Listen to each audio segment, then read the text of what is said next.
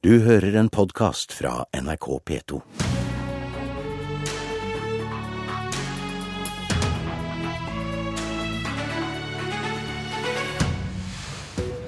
Hvem trenger fiender som Arbeiderpartiet når du har venner som Fremskrittspartiet? Kristelig Folkeparti kjemper for en ny sjanse for asylbarna som ble kastet ut. Nei, sier Arbeiderpartiet. Frp kunne ikke komme. Og Arbeiderpartiet og Frp er fienden, men SV og Miljøpartiet De Grønne høres ikke ut som venner, de heller. Hvem som er venn og hvem som er fiende i politikken, er det ikke alltid lett å bli klok på. Geir Toskedal, innvandringspolitisk talsmann i KrF. I asylpolitikken, er de politiske vennene dine i et klart mindretall på Stortinget? Nei, jeg eh, tror ikke det. Jeg tror vi har en eh, veldig god oppslutning om vår sak, som går og kjemper for rettssikkerheten og det beste for de som trenger det mest. Noen få nå, asylbarn, som vi har, eh, mener har eh, krav på ny behandling. I dag behandler kommunalkomiteen et forslag fra SV om at asylsakene til barnefamilier som ble sendt ut av Norge i fjor, skal bli behandlet på nytt. Selve stridens kjerne. Og hvordan påvirker denne saken den floken dere på borgerlig side forsøker å komme dere ut av? Nå er mitt ansvar denne saken, og mitt ansvar er asyl- og innvandringspolitikk. slik at eh, helheten får jo partiet og ledelsen ta seg av. Men eh, vi har valgt å ha fokus på denne saken. Det, det, det gjelder for oss. Og det har vi stått fram med, og det har vi sagt hele tiden. Og det løpet eh, vil vi fortsette med. Eirik Sivertsen, innvandringspolitisk talsmann i Arbeiderpartiet. Hvorfor mener du at Toskedal og KrF selv har skyld i at lengeværende asylbarnfamilier ble sendt ut i fjor? Ja, Den skylda har jo ikke KrF alene, men de må jo ta sin del av ansvaret. fordi at denne floken er jo oppstått pga. en avtale de inngikk med regjeringspartiene eh, og, Venstre eh, om at det skulle komme på plass en ny løsning. De klarte ikke å få på plass den løsningen, til tross for at de sto og, og, og fortalte at dette hadde de nå eh, fiksa. Så tok det over et år, og avtalen var ikke realisert med ny forskrift før 8.12. i fjor. I mellomtida så gjaldt det et annet regelverk. Det ble Eh, effektuert, og flere ble da sendt ut av landet. Og siden man ikke klarte å få på plass den avtalen, så har man også da bidratt til det man ønsker nå å rette opp i. Er det det du vil kalle frekkhetens nådegave? Ja, det, Først av alt så er det jo veldig hyggelig at Arbeiderpartiet mener noe for tiden. Eh, ellers så ligger de jo stort sett stille på været. Eh, så det er jo kjekt at vi får høre det, men, men kritikken er, fremstår jo som meningsløs. For det første så er de eh, vedtakene som er gjort i disse sakene, gjort på de rød-grønnes vilkår. slik at sånn sett burde han være fornøyd med situasjonen. Og det kan se ut for at Arbeiderpartiet vil fortsette den linjen. Men når det gjelder det å kritisere Kristelig Folkeparti for å ha en politisk sak som vi har kjempa for eh, åpent og redelig hele veien, eh, det, det, låter litt hult. Når vi tenker på hvordan situasjonen var i den rød-grønne regjeringen, med f.eks. SV, som forhandla fram slike saker. Eh, så vi står for at vi behandler den saken på den måten, og synes at det som Sivertsen sier her på vegne av Arbeiderpartiet, virker, virker meningsløst og litt hult. Sivertsen. Nei, altså Jeg har ikke noe behov for å karakterisere min motdebattant og det han står for. Mitt, du gjorde vel det nettopp, gjorde du ikke det? Nei, jeg sa, no, jeg sa noen ting om konsekvensene av at de i, en, i, høsten 2013 fortalte at nå hadde de løst dette, og at de faktisk ikke fikk på plass den forskriften de sa de skulle få på plass før over et år eh, etterpå, etter sterkt press mot justisministeren. KrF sin utfordring er jo at de åpenbart har en samarbeidspartner som ikke er interessert i å følge opp eh, den delen av avtalen, og det er jo en del av den kritikken som KrF sjøl har eh, framsatt gjennom det året som har, har vært, og som er tydelig formulert også knytta til den saken som gikk nylig i kontrollkomiteen. Hva mener du konsekvensene blir hvis KrF og SV i dag da får viljen sin, at denne forskriften får tilbakevirkende kraft? Ja, Vi mener jo prinsipielt at uh, de sakene som avgjøres, skal avgjøres etter det regelverket som gjelder til enhver uh, tid. Vi mener det er en god rettspraksis. Det uh, medfører en konsekvent, en rettferdig og en rettssikker politikk og forvaltningspraksis. Hvis du skal gå inn på en type nye lover og regler som skal gis tilbakevirkende kraft, så vil du få en utfordring med avgrensningspolitikk. Når skal man, hvor lenge skal man gå, gå tilbake? Er det 1. juli i fjor, er det 1. januar, eller er når regjeringa tiltrådte, eller er det som Toskedal er inne på, når han har vært uenig i politikken den rød-grønne regjeringa ført, skal man ta opp alle saker som ble avgjort under det regimet. Det andre er jo at vi diskuterer jo i praksis en forskrift her. Og det er jo vil jo være utfordrende for enhver regjering hvis det skal være sånn at Stortinget skal detaljinstruere eh, regjeringa i hvilke forskrifter som kan fastsettes. Vi styrer gjennom lover, så må regjeringa fastsette forskrifter. Og KrF har jo muligheten til å bli enig med Høyre og Frp i å fastsette en ny forskrift som også gis tilbakevirkende kraft. Man trenger jo ikke å få Stortinget til å instruere regjeringa. Ja, det er klart at eh, Synet på tilbakevirkende kraft det kan jeg dele langt på vei med representanten Sivertsen. Vi skal ha et forutsigbart eh, juridisk eh, regime her i dette landet, og det har vi.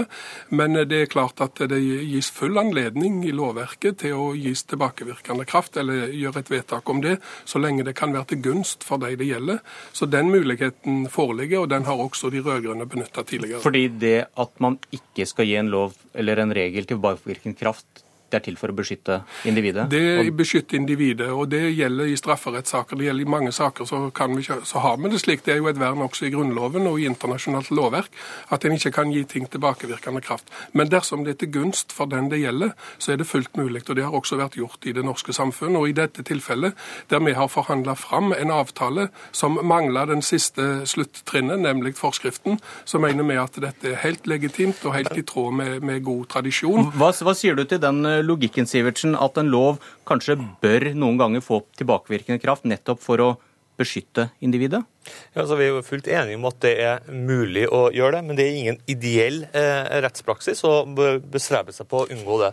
Eh, og så er det jo som Toskedal innrømmer her, man har jo forhandla fram en avtale da med regjeringspartiene, men mangler den siste biten. Og spørsmålet blir jo hvorfor forhandler man ikke også på plass med regjeringspartiene da eh, en avtale om at forskriften som trådte i kraft 8.12. skulle gis tilbakevirkende kraft. Det er det, det, det, spørsmålet som KrF nå må svare på, det er det som er utfordringa deres.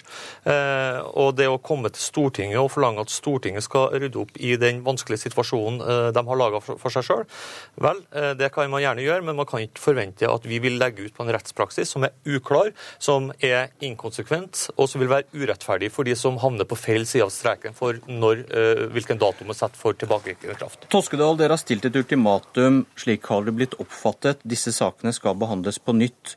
Frp har sagt at regler ikke kan gis tilbakevirkende kraft, som vi snakker om her. Hva slags kompromiss kan du se for deg? Nei, altså Jeg sier det samme i, dag som jeg sier i går, nemlig at vi har en samarbeidsavtale med regjeringspartiene. Vi har en asylavtale som har inngått. Vi har vært tydelige i hva vi står for. slik at eh, Vår forventning er at regjeringen eh, leverer i samsvar med det, og jeg har vel tro til og håp for at eh, vi kan finne en løsning.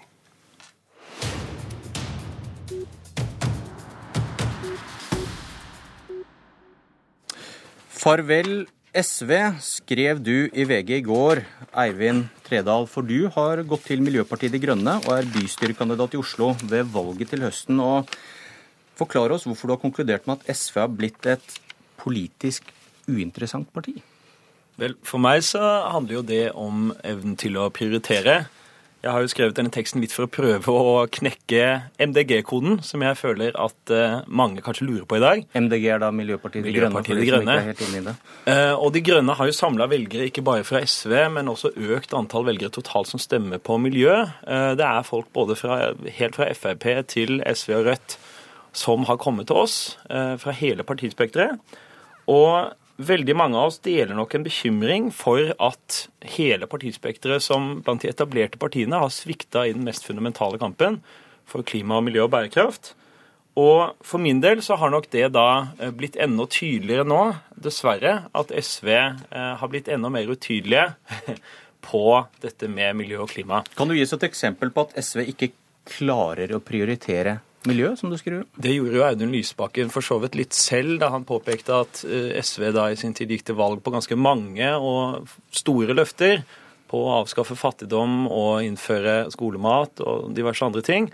Eh, mens Miljøpartiet f.eks. i 2013 gikk til valg i all hovedsak på å innføre en klimalov. Lysbakkens konklusjon var jo at det ble vanskelig for et lite parti å få gjennomslag for så mange forskjellige store løfter, mens vi da i Miljøpartiet ser at vi allerede har klart å få gjennomslag for en klimalov i Stortinget. Og Det tror jeg viser styrken av å ha eh, en tydelig prioritering av det aller, aller viktigste, som er samfunnets bærekraft, og at vi klarer å gjøre noe med klimautfordringene. En som kom til SV for ikke så lenge siden, Kari Elisabeth Kaski, partisekretær. Velkommen etter MDG, skriver du i dag. Du kaller han historieløs. Ja, SV har jo kjempa for viktige miljøsaker eh, lenge før MDG kom på banen. Vi eh, tok til orde mot eh, en oljeindustriens inntog nordover i Barentshavet allerede for, på 70- og 80-tallet. Vi har jobba for naturvern, for opprettelsen av, av mer eh, vern av skog. Han sitter og nikker, så akkurat det er han enig i. Og vi prioriterer miljø fortsatt veldig høyt i dag. Vi går til valg nå på grønnere byer uten helsefarlige utslipp. Vi går til valg på en omstilling av norsk økonomi fra en oljesinke til en grønn spydspiss. Vi går til valg på uh, mer vern. Vi går, på, uh, går til valg på å eh, omstille norsk økonomi og få grønnere industri. Men hvor, hvor er det han bommer i, analysen sin som går på at SV ikke prioriterer klima først? Ja, Det eh, Eivind Trædal kaller manglende prioritering, kaller jeg en, et bevisst valg og en jobb for å få til en annen omstilling av samfunnet i en annen retning. Det er nettopp det som er poenget, at vi er et helhetlig parti. Eh, som jobber for en, eh, både miljø og rettferdighet. Og jeg aksepterer ikke Eivind Trædal sitt, sitt poeng her at man må velge mellom miljø og rettferdighet. Vi er både et grønt parti, men vi er også et rødt parti, og vi er også et rosa parti som kjemper for likestilling, og som har veldig mange saker som er viktige for oss, som ikke har noe med miljø også. Det å kjempe for full barnehagedekning er ikke først og fremst en miljøsak. Det å kjempe for mer jevnere fordeling av, av inntekter er ikke først og fremst en miljøsak, men handler om rettferdighet, som også er viktig for oss. Ja, eh, Jeg er jo enig i at SV har hatt en veldig viktig rolle for miljøet, og det er også derfor jeg tidligere har stemt SV. Samtidig så ser jeg jo at i all denne lange eh, historien så har jo dessverre klimautslippene i Norge gått opp, og veldig mange av de aller mest fundamentale problemene våre har fortsatt å vokse. Norge har blitt et mindre bærekraftig samfunn i all den tid SV også har eksistert. Det er naturligvis ikke bare SVs skyld, men slik er det. Og jeg så nå i forbindelse med landsmøtet at det var tre hovedsatsinger fra Audun Lysbakken. Det var heldagsskole, bemanningsnormer i klasserom og sykehjem og tillitsreform i offentlig sektor. Og da sier jeg fine saker, det er bra at de vil satse på det, men hvis de skal satse på det, da lurer jeg på hvor klimasatsinga blir av. Da lurer jeg på hvor de store, harde kravene for miljøet vil bli stilt.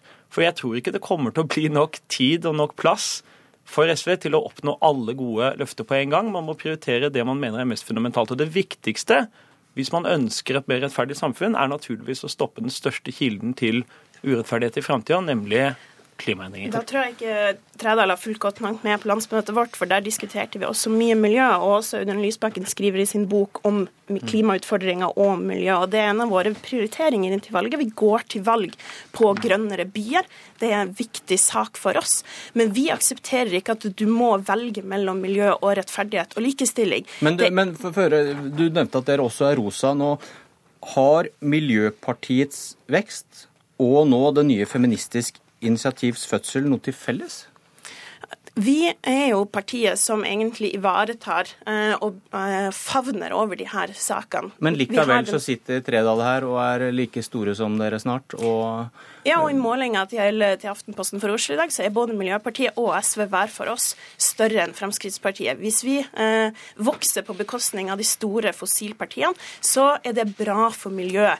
Og vi ser også i Stortinget at SV og Miljøpartiet stemmer litt likt i nesten alle saker, med noen viktige forskjeller. SV eh, gikk imot å sende soldater til Irak. Miljøpartiet stemte for. SV stilte mistillitsforslag mot Anders Anundsen, justisminister fra Frp. Miljøpartiet støtta ikke det mistillitsforslaget. Tredal, 3,3 eh, pluss 3,7 er lik 7 det tallet du får hvis du legger sammen De grønnes og SVs gjennomsnittlige oppslutning mm. denne måneden. Mm. Hvorfor gjør dere ikke det, tenker kanskje noen.